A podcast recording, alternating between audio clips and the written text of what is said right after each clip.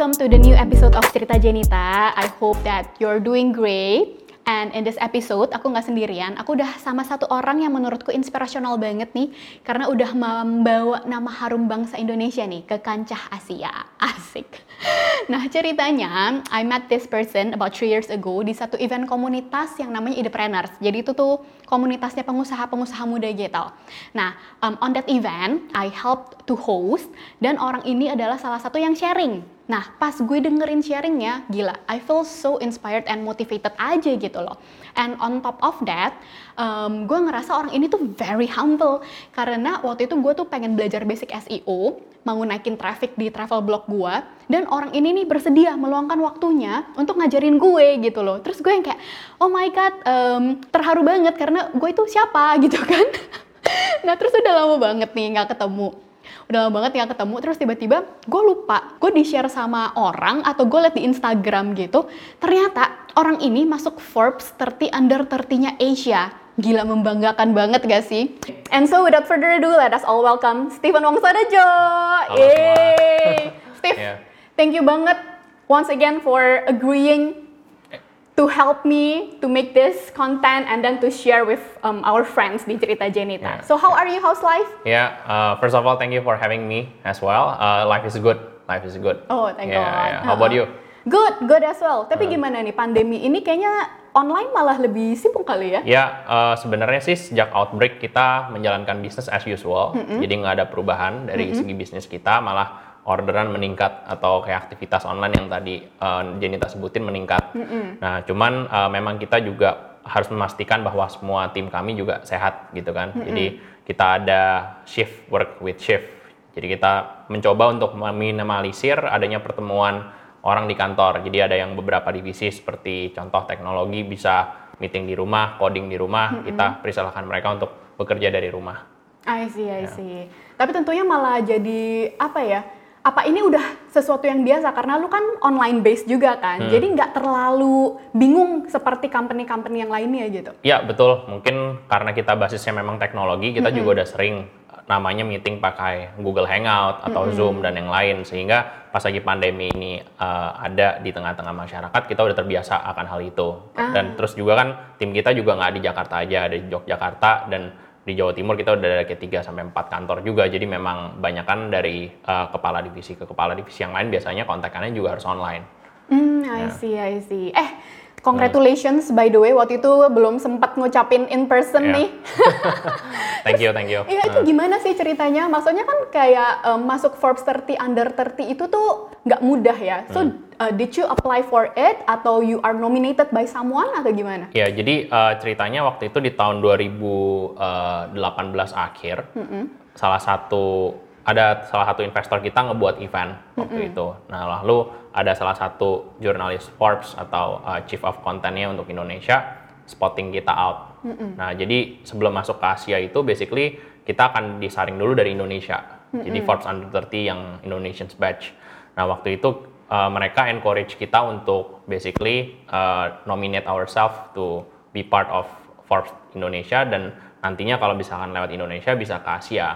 Mm, nah, di situ juga kita dinominasi sama beberapa nama dari uh, beberapa angel investor kita dan juga dari institutional investor yang uh, invest di kita untuk uh, apa untuk apply basically ke Forbes Indonesia. Nah di Forbes Indonesia itu tentunya kita ada uh, apa ya ada kayak semacam form yang kita isi mm-hmm. dan juga uh, ya ada proses lah interview pertanyaan dan yang lain.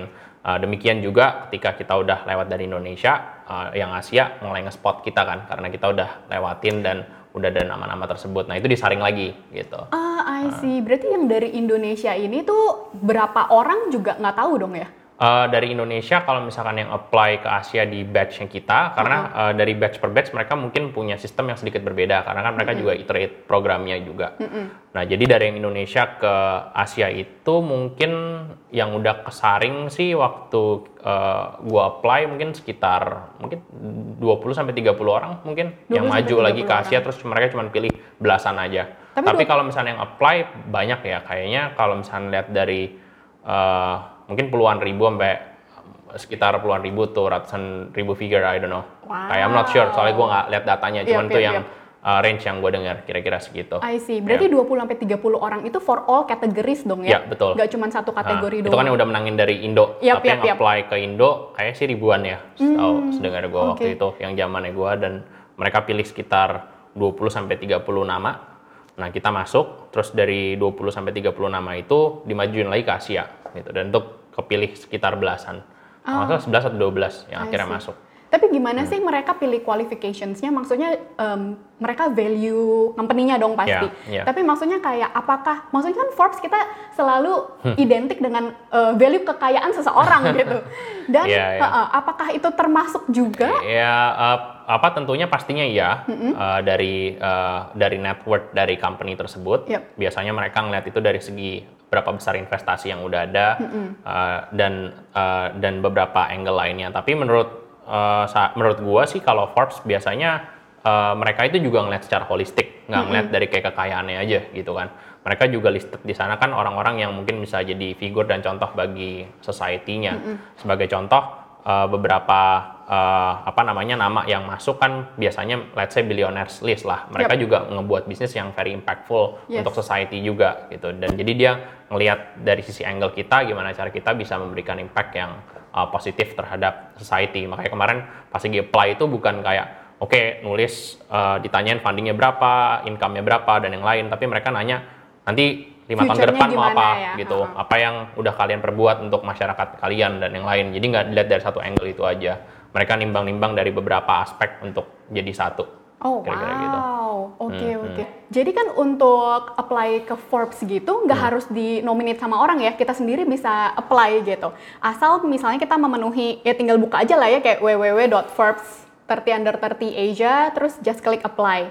Ya, betul. Jadi uh, basically aplikasinya terbuka untuk umum, tapi memang lebih memungkinkan untuk masuk kalau sampai kita di scouting sama mereka. Jadi mereka Kayak uh, ada dari surat timnya. rekomendasinya betul, gitu. Betul. Mungkin nggak sampai seformal itu ya, sampai rekomendasi, tapi seenggaknya kita udah di spot on sama uh, jurnalisnya atau kayak uh, lead of contentnya dari Forbes sendiri, sehingga uh, ketika nanti kita uh, apa apply, mereka udah uh, put more attention. Nah, tapi kan ini juga uh, nothing comes for free lah. Ada things yang kita harus do juga kan, homework dari side kita juga gitu. Hmm, I see, I Ya. see.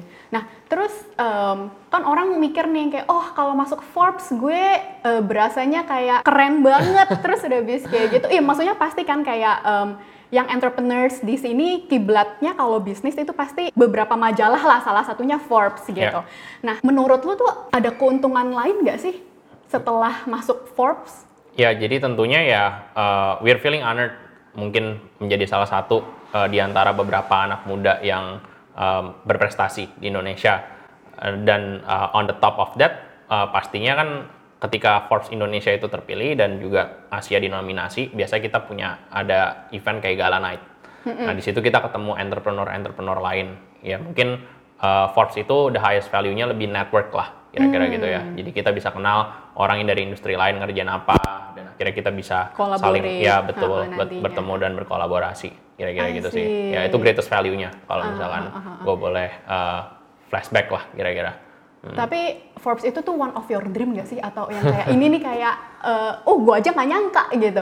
Sebenarnya dari dulu ketika kita ketika kita mulai, ketika gue juga mulai uh, perusahaan ini, gue nggak pernah ngejar untuk achievement sih, gitu. Gue nggak pernah ngejar namanya oke apa, gue harus masuk ke list A, list B, list C. Gue cuma fokus ya ya selesai solu apa prob- problems yang ada di tengah-tengah masyarakat Uh, achievement terus apa mungkin uh, salary or uh, keuntungan monetary lainnya itu akan datang dengan sendirinya gitu. justru kalau kita terobsesi banget ke sana malah nanti goalnya beda kan kita ngebangun perusahaan untuk masuk padahal salah kita ngeba- ngebangun perusahaan untuk nge-solve problems dulu Bener, bener, kalau bener. masuk itu menurut menurut gua ya itu uh, it's part of your ya. luck lah gitu it's part of your luck it's part of your uh, rezeki lo lah kira-kira gitu masuk jadi kita nggak pernah chase for that frankly Uh, Wow, berarti ya. I can say it's kayak you are passion driven juga ya.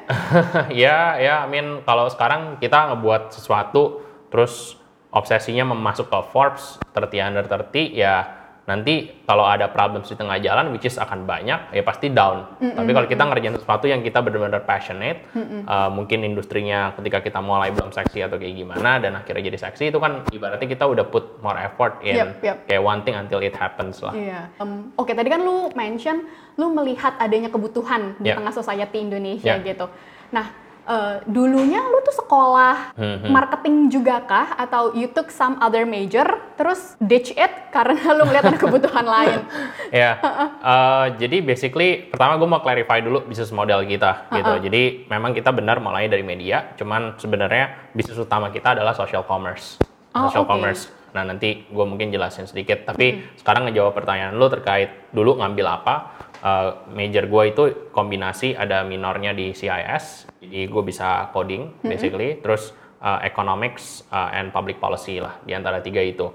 Kalau terkait bidangnya masuk akhirnya ke marketing terus ke social commerce um, dalam hidup sih kalau misalkan dari pengalaman gue kayak berbisnis akhir-akhirnya you learn by doing it Nah, jadi kayak mungkin basis dasarnya oke secara mindset dan beberapa hard skill yang didapat ketika kuliah gitu ya tapi begitu masuk ke uh, tempat kerjaan ya 90% something yang nggak pernah kita lewatin ya. gitu ya ya, ya. Dulu S1-nya lu di mana? di Johns Hopkins University S2 gue di Columbia, di Columbia. University betul Hmm, Ah, oke oke. Terus kan gue kalau baca artikel, iya katanya orang tua lu tuh sempet em, disagree with Ah. Ya. with Nusantara Technology Ya, gitu. ya. Mhm. Why? Maksudnya apa nggak inline banget dengan visinya Ah. em, parents Mhm. dan how how you overcome your parents gitu? pertama kali mau buat tentunya orang tua pasti bingung kan ini bisnis apa gitu kan kayak mana customer kok nggak kelihatan?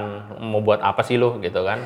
Terus awal-awal kan kalau ngebuat aplikasi atau bisnis online identik kita akan uh, investing uang dulu sebelum akhirnya kita dapat return. Berbeda sama conventional business kalau buka restoran ya langsung kelihatan customer gimana BEP-nya gitu. per hari kelihatan lebih viable gitu kan. Yep. ya mereka nggak bisa ngedapetin kayak itu apa. Dan waktu itu kan gue baru balik dari S2 ya mereka berpikir ya lu cowok sendiri di sini ya lu lanjutin perusahaan keluarga lah kayak gitu. Nah waktu itu cuman gue mikirnya ya gue cuman one of the battle di situ. Perusahaan keluarga gue maksudnya udah lebih settle lah gitu ya udah kayak ribuan karyawannya dan yang lain.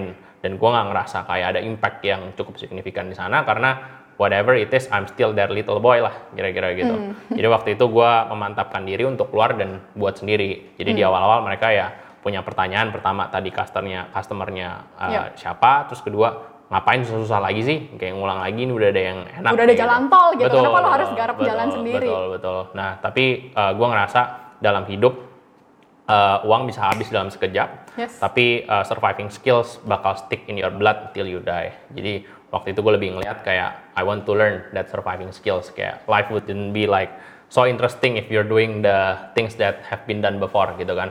Jadi gue apa uh, pribadi like to make things happen. Jadi dulu waktu itu gue nekat lah keluar dan buat ini Wow. Eh tapi sebelumnya lu sempat kerja di company lain apa langsung ke company Ya, bokap? jadi uh, kalau mayoritas dari uh, bisa dibilang yang benar-benar meaningful dalam hidup gua mungkin di perusahaan orang tua sih, perusahaan family.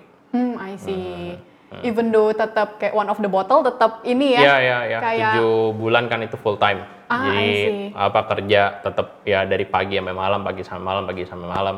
Uh, doing digital marketing juga no, no, kah no. atau? Uh, my parents business lebih baik di retail. ah, I see. Jadi lebih banyak belajar waktu itu tentang organisasi dan terus kita lagi implementasi uh, standardized operations waktu itu untuk bisnis ISO 9001 2015 waktu itu jadi kita uh, ngebuat setiap divisi itu untuk uh, benar-benar rapi lah dalam pembukuan apa yang mereka kerjain dan yang lain untuk menstandardisasi oper- operations ya sehingga produk yang nanti jadi uh, misalnya kita pergi ISO-nya, kota ya uh-uh. ya ya ya dulu waktu itu banyak terlibat dalam implementasi itu dan cukup banyak belajar. Cuman waktu itu sekitar nggak lama sih, 6-7 bulan akhirnya gue decide untuk kayak step out dan uh, ngebangun ini. Hmm. Terus sampai kapan akhirnya bokap lu kayak oke setuju gitu.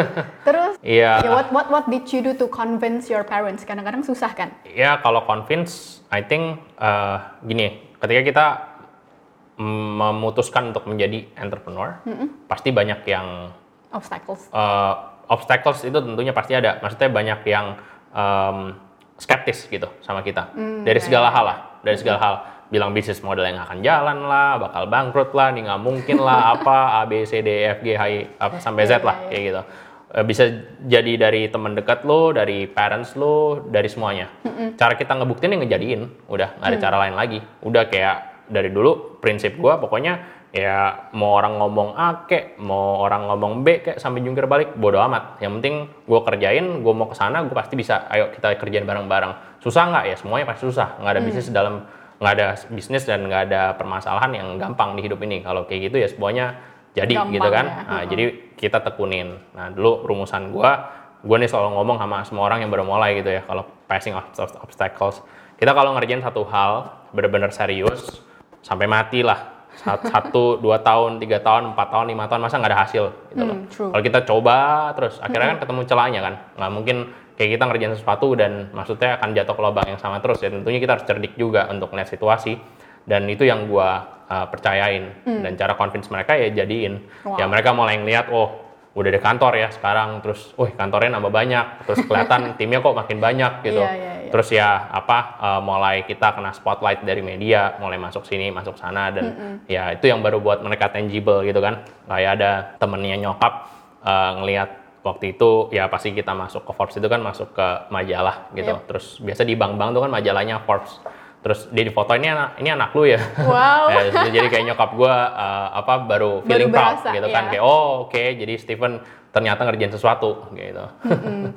Tapi berarti berapa lama tuh dari um, you quit your dad's company, terus langsung bangun si Yukepo kan pertamanya? ya betul. How long sampai lu bisa um, punya gedung ini?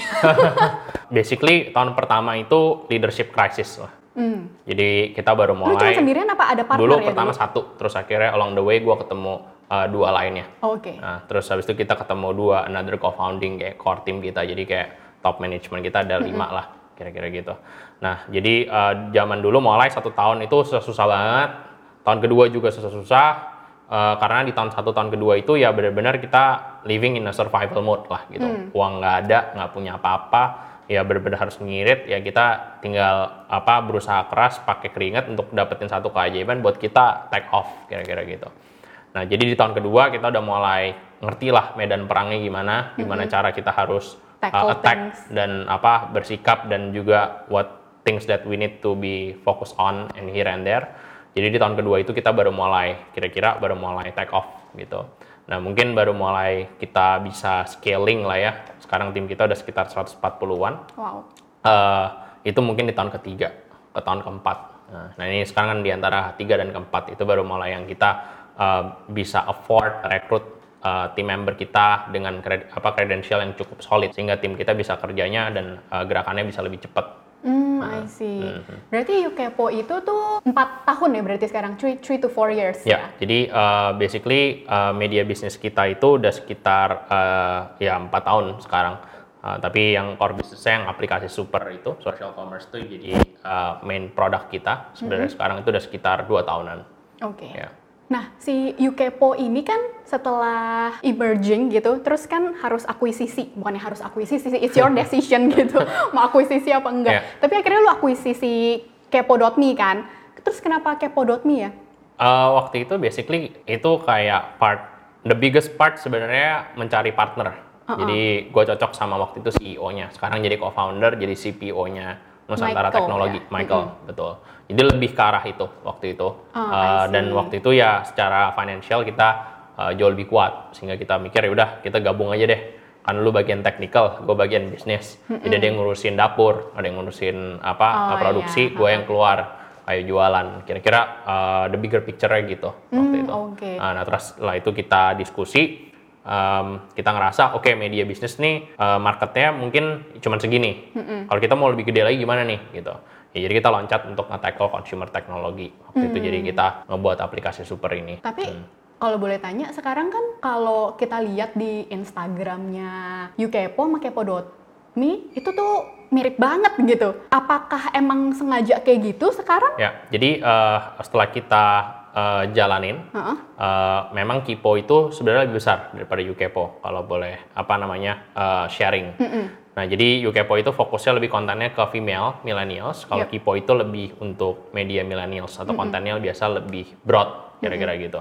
Sehingga waktu itu kita ambil decision karena memang timnya Kipo lebih gede, kita lebih fokusin uh, energi kita ke Kipo. Hmm. Nah, sehingga uh, ya tentunya ada beberapa konten yang akhirnya kita Mirror, alirin ya ya di mirror, betul. Hmm, oke. Nah, terus berarti sekarang lebih, can I say, semua tim work on Kipo dan tinggal di mirrorin aja?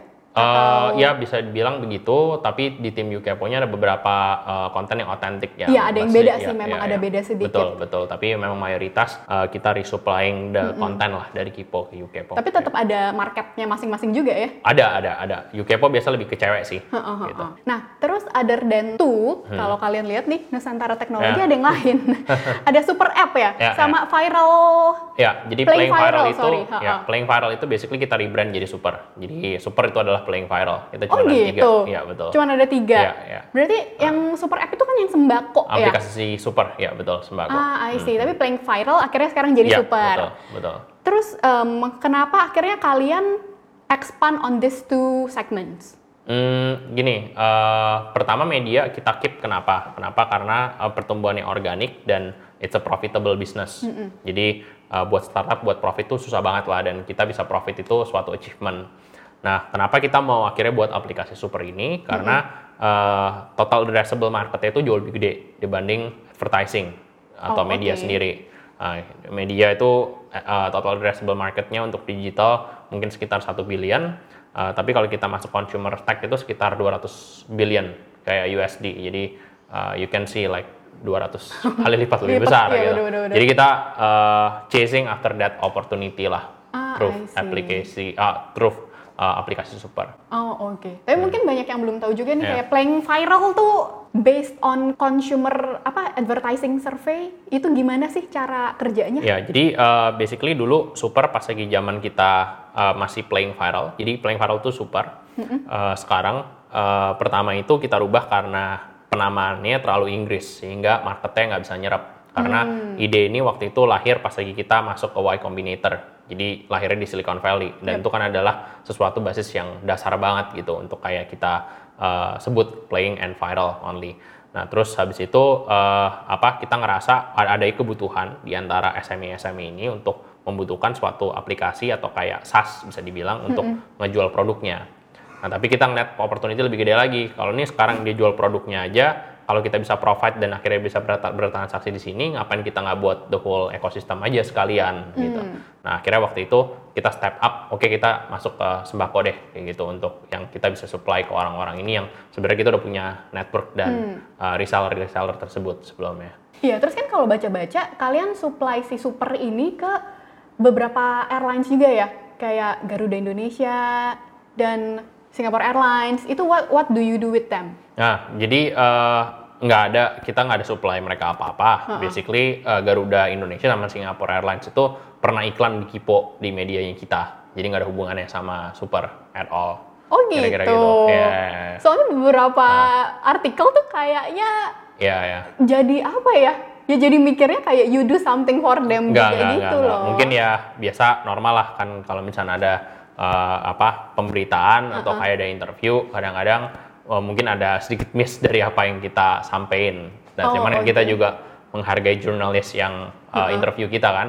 Jadi ya udah, maksudnya kayak kalau udah keluar kayak gitu biasanya susah juga untuk kita ganti. Nanti kita gantinya ketika Di next ya misalkan aja. ada interview selanjutnya kita lurusin lagi, lurusin lagi. Normal kan biasanya yup, ada, yup. ada kayak apa misperception lah dari jurnalis gitu. Oh. Which is kita respect dan kita ngerti, kita juga di industrinya, jadinya biasanya kita juga nggak enak untuk kayak eh nih tolong diganti atau kayak gimana dong. Ya udahlah biasa kalau yang kayak minor-minor gitu kayak we let it go, nanti kita sambil berjalannya waktu kita betulin lagi gitu. Hmm, I see. Oh ya, tarik balik deh. Lu kan tadi bilang awal-awal eh, ngomong ada yang di Jogja juga, Hmm, Ukepo dan kepo.me gitu. Terus ada di Surabaya Ya. juga. How how you manage them gitu? Apakah di sana udah ada your partner yang Hmm, hmm, hmm. handle mereka atau Ya. you have to travel Ya. back and fro gitu? Tentunya pasti ada travel uh, schedule untuk kayak monitor, cuman make sure apa things goes right. Tapi ketika kita berkembang mungkin dari uh, dari 0 sama 50 mungkin CEO masih product builder. Kita masih turun banyak ke lapangan, bantu tim kita untuk di sana untuk ngebuat produknya dilihat-liatin dari uh, sedetail mungkin. Ketika dari 50 ke 100, 100 ke lebih, fungsi CEO itu udah berubah. Jadi organizations builder gitu atau jadi company builder. Kita udah mulai uh, ngebangun culture timnya, uh, pastiin bisa rekrut lead yang kuat, yang punya visi, yang bisa ngikutin visi kita juga. Sehingga adanya orang-orang yang bisa kita percaya dari kota-kota ini bisa kita bisa ngebuat bisnis kita jalan atau bisa berkembang. Nah jadi nggak mungkin dong gue kayak setiap hari Iya, muter-muter ke sana. gitu kan. Waktu gue juga habis, malah Yes, gue juga yes. nggak bisa mikirin apa ya problems yang lebih global, yang lebih besar sehingga perusahaannya nggak bisa maju kalau kayak begitu. Hmm, I see. Tapi kenapa pilih kota-kota tersebut gitu? Kenapa why don't you centralize that di Jakarta?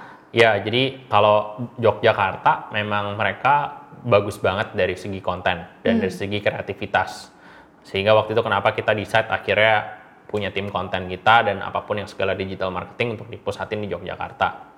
Untuk Jawa Timur sendiri kenapa Uh, sebenarnya kita mulai aplikasi super itu karena kita mau tacklingnya di rural area atau di second tier, third tier city sehingga kita nggak mau terjadi aplikasinya tersebut memiliki uh, revenue di uh, Jakarta. Sekarang Jakarta kan udah metropolitan city, terus kompetisi juga udah cukup sengit, ya udah ada first generations of e-commerce, kita kan lebih second Very generations rapid ya, kan. ha-ha.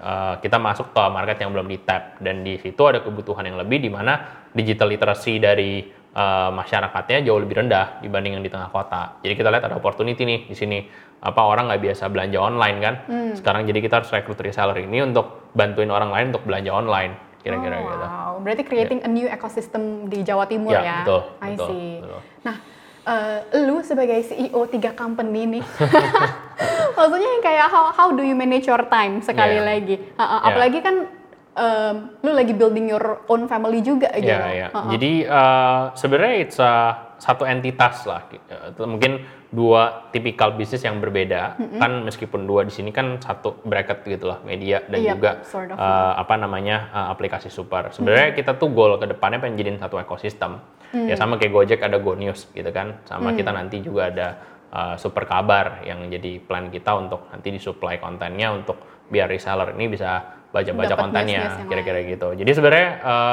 eh, kita bisa bilang meskipun dua bisnis yang berbeda banyak sinergi. Mungkin memang eh, kalau dibilang waktu ya tadi yang gue udah mention mungkin CEO udah bukan eh, lagi yang turun ke lapangan, gue liatin produknya satu-satu lagi, bantuin coding, ngurusin eh, finance secara detail atau apa.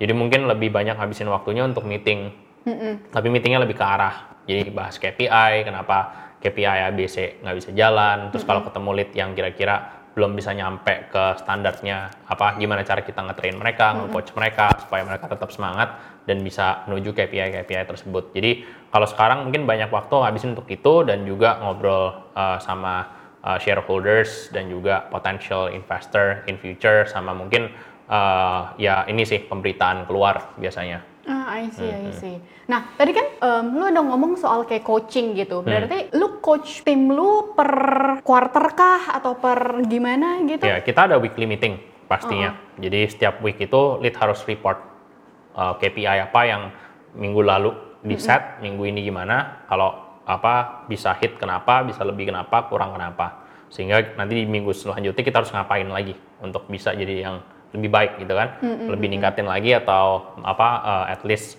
stay atau lebih apa meningkatkan atau yang misalkan nggak nyampe gimana caranya nyampe dulu. Nah jadi kalau coach itu basically lebih ke be there with your lead and basically understanding problems mereka apa, kekurangan mereka apa, ya kita kasih feedback gitu loh, kasih feedback. Sama, gue juga terima feedback dari mereka dari weekly meeting tersebut. Kalau misalnya ada things yang dari gue juga gue address sebagai CEO. Nah itulah eh, apa namanya pentingnya ketika kita udah ada di beberapa kota, jadi ada circulations of communications. Jadi decisions bisa lebih eh, keputusan bisa diambil lebih Cepat, cepat, ha, ha, betul dan lebih terarah dan lebih tepat Uh, sehingga adanya weekly. Uh, terkait coaching itu mungkin lebih pengembangan seiring berjalannya waktu. Semua yang masuk ke Nusantara sama gue pribadi dan semua orang yang masuk ke perusahaan nggak akan masuk dari uh, form yang perfect gitu kan. Pasti ada strength sama weakness. Maksud gue coaching tuh lebih yang kayak gini. Mereka pasti punya strength, tapi juga mereka punya weakness. Itulah manusia gitu. Mungkin weaknessnya pas lagi masuk mungkin 9 over 10 uh, bisa nggak hilang nol? Nggak mungkin bisa. Karena itu udah ada karakter kan. Yes, kita udah yes. berapa tahun hidup kayak begini gitu. Nah seenggaknya dari 9 itu bisa diredam jadi dua atau tiga. Nah sehingga kita bisa uh, jadi strength-nya dia bisa ngebuat dia untuk bersinar kira-kira gitu. I see. Hmm. Improve itu yang kita lak- itu yang kita lakuin lah. Iya, improve on the weakness lah ya. Betul, betul, Mm-mm. betul. Nah, terus kan as you mention juga nih tadi kayak oh berarti harus think uh, bigger scale kayak company ini ke depannya dibawa ke mana? Yeah. Maksudnya berarti you're looking for new innovations in Yeah. Nusantara Yeah, gitu kan. betul. Terus uh, berarti kan you need another uh, inspirations juga gitu. Biasanya lu tuh cari inspiration dari mana sih? Um, gue suka baca buku, mungkin itu yang uh, the main source of inspiration. Setiap um, mungkin zaman dulu sih pas lagi sebelum kayak benar-benar sibuk, mungkin satu bulan satu buku. Mungkin sekarang sedikit agak like off karena banyak kerjaan juga, jadi bukunya nggak bisa habis biasa baca. Cuman uh, gue coba setiap satu quarter dapat dua buku lah, at least. Oh, oke. Ya, oke. dari situ gue banyak belajar dari autobiography atau mungkin dari uh, orang yang biasa ngebuat tesis-tesis terkait bisnis atau politik, ilmu politik dua itu yang biasa sering gue baca. Oh oke. Ya, Nah ini kan has been four years going, Going to, ya, ya. go oke Uh, belum going pas. Uh. going to four years of Ya. um, Nusantara journey gitu. Hmm, hmm. Nah tadi lu juga bilang oh banyak banget nih obstacles-nya yang kayak skepticism, this Ya, and that gitu. ya, Pernah nggak sih yang kayak you hit um, your lowest point of life yang kayak oh udah kayak udah gue nggak mau kerjain Nusantara lagi. Pernah ada nggak sih? Kalau sampai nggak mau ngerjain nggak, karena memang dari pertama kali apa gue you know buat. your why ya. Eh, ya that's one thing tapi gue punya tekad untuk jadiin ini lah. Apa pun yang terjadi harus jadi gitu. Gue cuman mikir kalau gue akan stay di sini untuk kayak 50 tahun baru jadi gue akan stay di sini gitu. Pokoknya harus jadi Wow. intinya gitu. Nggak apa pun yang terjadi apa pun eh, apa petnya atau apa nih harus jadi gue nggak mau tahu gitu. Kalau gue mau stay sampai ya bertahun-tahun tahun lamanya gue akan tungguin terus sampai pokoknya jadi. Itu dari pertama. Jadi gue nggak pernah ada expectations to quit or to exit gitu kan nah tapi kalau misalkan dibilang pernah nggak hit the lowest kayak sedih ya banyak banget. Banyak banyak muntah darahnya gitu jadi CEO of startup Oh. that's like the hard truth. Eh, apa on the glimpse of kayak CEO masuk ke majalah A B C D E itu kan cuman secuil doang gitu. Kita apa Highlights of your life. betul milestone doang kan. Banyak kan sebelumnya itu banyak gloomy day-nya pastinya. Ya itu banyak banget. Nah. Wow. Nah, eh, banyak banget kan nih teman-teman Steve yang mau bikin startup juga, be it in media, be it in something else gitu. Ada nggak sih tips-tips em, buat teman-teman gitu? Mungkin tips secara moral boleh dan tips secara yang kayak kan you mention, oh kita dapat angel investor nih gitu. Terus kemarin juga dapat dari Alpha JWC gitu. Maksudnya gimana sih how to get their attention buat invest di kita gitu? Ya, jadi gini, sama kayak tadi yang udah gue mention sebelumnya. Ketika ketika kita ngebuat sesuatu, pertama yang harus kita address tuh sebenarnya passion, kayak gitu. Gue nggak pernah eh, setiap interview biasa kalau ditanya gitu, gimana sih caranya tips atau untuk jadi startup founder atau nggak jadi startup entrepreneur? Gue nggak pernah eh, encourage orang untuk jadi startup entrepreneur. Gue encourage orang untuk nemuin passionnya. Jadi orang tercipta di dunia ini ada yang jatuhnya nanti dia kerja jadi eksekutif dan jadi itu bagus. Dan ada juga yang uh, lahir dan besar untuk kerja di public official atau public policy itu bagus. Ada juga yang menjadi entrepreneur kayak startup kayak sekarang kayak kayak gue dan itu juga bagus gitu. Jadi semua semua industri itu bagus. Hal yang terpenting dalam hidup adalah mengetahui apa passion di situ. Kita bukan di sini untuk short term game, kita untuk long term game. Jadi ketika kita put uh, our attention untuk di satu hal, kita harus tunnel vision for the next few years sampai akhirnya jadi. Big things take time lah gitu. Nggak mungkin apa namanya sesuatu yang besar itu kayak overnight gitu. Jadi orang yang lihat di majalah lah apa sukses itu udah baik banget jatuh bangun ya mereka udah kayak sampai babak belur kan baru sampai di situ karena mereka coba terus pantang menyerah persisten konsisten akhirnya lewatin semua Yep. obstacle ini dan uh, gapai awardnya itu atau rewardnya itu. Jadi kalau misalkan dapat investasi kalau nanti juga di set jadi startup founder dan uh, ngejarnya investasi itu juga salah. Kenapa ya sama aja kayak kita obses kan. Jadi kita ngebuat startup untuk dapat investasi bukannya dapat apa ngebuat startup untuk menyelesaikan masalah yang ada di Wow. problems di society. Tadi yang gue mention sebelumnya, kalau kita fokus di problem dan kita ngebuat suatu uh, terobosan atau inovasi untuk tackling apa yang ada di masyarakat tersebut, tentunya kan kita akan ada value. Aplikasi tersebut entah itu website atau aplikasi atau maupun bisnis konvensional atau apa pun, itu akan bisa jadi. Nah, ketika nanti bisnisnya maju ya pastinya investor akan tertarik, akan uh, mencium dong. Kayak wah nih returnnya bagus nih kalau misalnya invest di perusahaan ini. Karena uh, mereka punya trajektori yang bagus bisnisnya mulai kedengeran terus mungkin mereka juga nyoba produknya beneran bagus jalannya. Jadi mereka tertarik untuk invest. Nah itu akan datang sendiri. Tapi fokus pertama adalah passion sama fokusnya bukan dapet investasi bukan yang ngejarnya malah award dapetin award sana sini karena Yep. uh, kayak gitu jadi nggak otentik dong. Kan kita kan mau ngebuatnya produk. Nah nanti kalau misalkan marketnya recognize your produk itu karena achievement yang udah lu buat. Bukan karena lu ngejar ke situ gitu. Dan banyak gua ketemu orang yang ngejar ke situ malah jadinya stres kenapa? Karena obsesnya bukan sama problems ya bukan sama usersnya bukan sama customersnya tapi obsesnya for the fame gitu. Nah jadi kan beda kan. Padahal susahnya banyak banyak kan pas lagi kita operate ya di sini. Uh, ketika kita ngebangun perusahaan eh, mimpi itu bisa apaan aja. Setiap hari dapat ide A B C yang paling berat tuh eksekusi. Dan proses paling berat pun juga di eksekusi itu jatuh bangunnya. Jadi kalau kita nggak bener-bener menjiwai bakal ba- bakal berat banget Hmm, I see. Pokoknya ini ya, yang gue tangkap adalah solve the problem gitu. Find the problem and solve it. Ya. Everything will takes their places lah di journey of life-nya kita Ya, gitu. betul, Nah, betul. terus what's next, Steve? Maksudnya kayak udah masuk di beberapa majalah gitu. Terus kayak, oh ini udah terbentuk. Maksudnya lu mau istirahat sejenak kah? Apa wah nggak bisa tancap gaspol gitu? ah gue selalu tancap gas sih. Oh, karena ya masih muda juga mau ngapain? Masa kita liburan lagi muda atau apa gitu. Jadi selagi di umur 20-an ke 30-an mungkin ke 40-an mungkin secara eh, fisik kan kita masih energinya masih prime. Jadi mau tidur jam 2 kayak mau tidur jam 3 bangun jam 6 juga ayo kayak kerja ayo gitu. Jadi gua nggak mau missing this kind of kayak time frame dan gue mencoba untuk seproduktif mungkin sehingga bisa nyiptain sesuatu yang cukup impactful buat society. What's next? I think we're gonna keep building it until mungkin goal kita becoming one of the most meaningful technology company lah untuk Indonesia yang akhirnya bisa uh, dilihat dari kancah global juga. wow. Ya. Tapi misalnya nih, misalnya Ya. kalau teman-teman di sini dengerin kayak em, podcast ini atau YouTube ini gitu, Hmm. terus yang kayak, oh gue mau cari mentor gitu, Hmm. do you open asik? kayak maksudnya kayak for Ya. mentorship kayak sekaligus misalnya kayak oh give back, bukannya give back juga sih, ya maksudnya kayak em, as you said you want to impact em, people as well gitu kan, Hmm. Ya, ya. maksudnya do you open to that kind of request gitu? Ya pastinya kalau misalkan uh, apa ada yang biasanya beberapa ada yang DM Instagram atau uh, via LinkedIn kadang-kadang minta waktunya untuk uh, feedback atau kayak teman deket dan yang lain gue selalu terbuka kok untuk itu.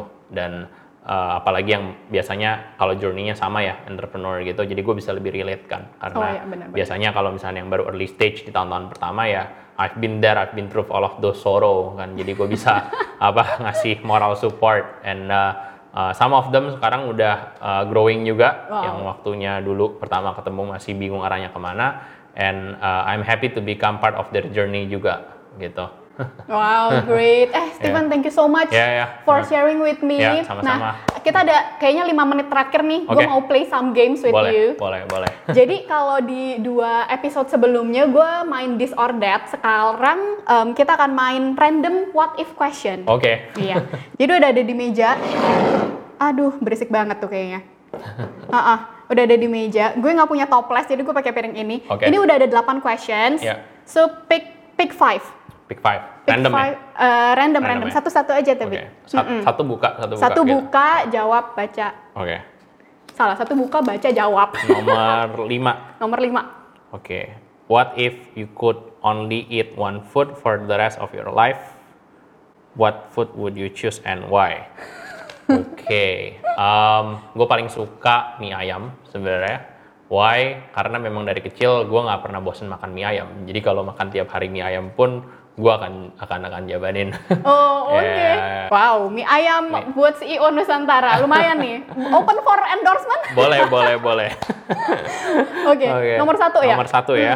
Um, what if you were guaranteed to be successful in a different professions? What would you want to do? Oke, um, mungkin kalau gue lebih bakal choose kalau misalnya gue nggak di sini either jadi uh, lawyer atau enggak mungkin uh, something to do with uh, public official atau public policy. Jadi uh, gue ngelihatnya mungkin kalau kerja di uh, ranah itu gue bisa make a very very impactful things for society karena kan ya tentunya Wow, kalau lu public dubes. official Eh, enggak lah, mungkin kayak uh, something to do bu- buat uh, negara kita sendiri dari dalam. Gue gue lebih uh, tendensinya lebih suka kayak uh, you know economy policy. Ah, I see. Who's your favorite lawyer then? Uh, I don't have things in mind, but uh, apa kalau misalnya favorite public official yang Hmm. sekarang ngejabat mungkin dua nama, uh, satu Ibu Mariel Kapangestu, satu Ibu Sri Mulyani.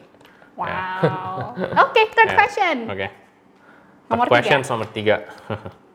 What if you could be a superhero for a week? Who would you be and why? Gue paling suka jadi Profesor X. Kalau- Profesor X. Ya, Profesor itu paling. banget nih. Ya, jadi uh, kenapa Profesor X? Karena gue ngerasa uh, dia paling efektif lah.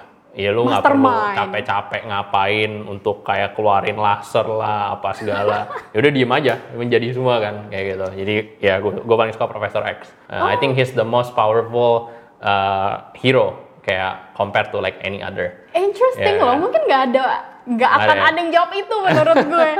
Iya ya, Iya, gue iya. Profesor X. Oh, wow. Oke, last two questions. Nomor dua, what if you could be anywhere else right now? Uh, where would it be and why? Gue sebenarnya ada dua tempat sih yang gue pengen pergi next. Ya udah boleh. Uh, jadi satu gue pengen ke Uganda Why? uh, ngeliat gorila basically. Gue gue suka kayak um, nature. I like to go for adventurous kind of holiday uh, dibanding kayak holiday yang kayak you know kayak visiting kayak tempat-tempat yang udah biasa lah Hmm, gitu. Uh, terus kedua mungkin gue pengen ke Antartika. Uh, mungkin itu dua tempat Oh, yang gue wow. pengen visit next after this COVID and pandemic ends. I see, I see. Yeah. Did you um, go for Afrika safari Selatan. camping? Iya Camping? iya. Jadi kemarin pergi ke Afrika Selatan ke Cape Town. Iya. Jadi dapat dua experience, dapat yang forest life sama dapat yang marine life. Soalnya mereka di coast gitu kan. Nah kalau kita masuk ke dalam lagi, Uganda tuh agak ke atas. Jadi lebih forest life-nya. Ah, Yeah. Interesting. okay, one last Oke. um, question. Last questions. Yes. Lucky number seven. Oh, Uh, what if you could turn back the time? What would you change? Hmm. Okay, interesting. Um, I think most of the thing that happens in life, it's happening for reasons. Jadi, uh, if I could turn back the time, I wouldn't change anything. Jadi apa yang gue lewatin terkait gue salah atau benar itu yang ngebentuk gue untuk jadi sekarang dan itu terjadi karena ya memang harus terjadi gitu. Jadi apa yang ada di hidup ini gue selalu be grateful dengan apa yang ada dan ya udah yang lalu yang lalu kita sekarang fokus ke depan untuk menjadikan hal yang lebih baik kalau emang kita pernah ngelakuin kesalahan di waktu yang lalu. Learn from the past. Ya ya ya. Oh, ya. thank you so much, Stephen, for um, playing with me Okay. and chit-chatting Thank with uh, teman-teman dari Cerita Jenita. Thank you semua teman-teman for listening. I hope um, this inspires you some way somehow untuk kalian yang mau mulai um, jadi startup entrepreneur nih. So uh, once again, thank you for listening itu cerita Jenita. Stay safe walaupun uh, udah masa transisi PSBB ini. Stay healthy and stay creative everyone. Bye-bye. Bye-bye guys.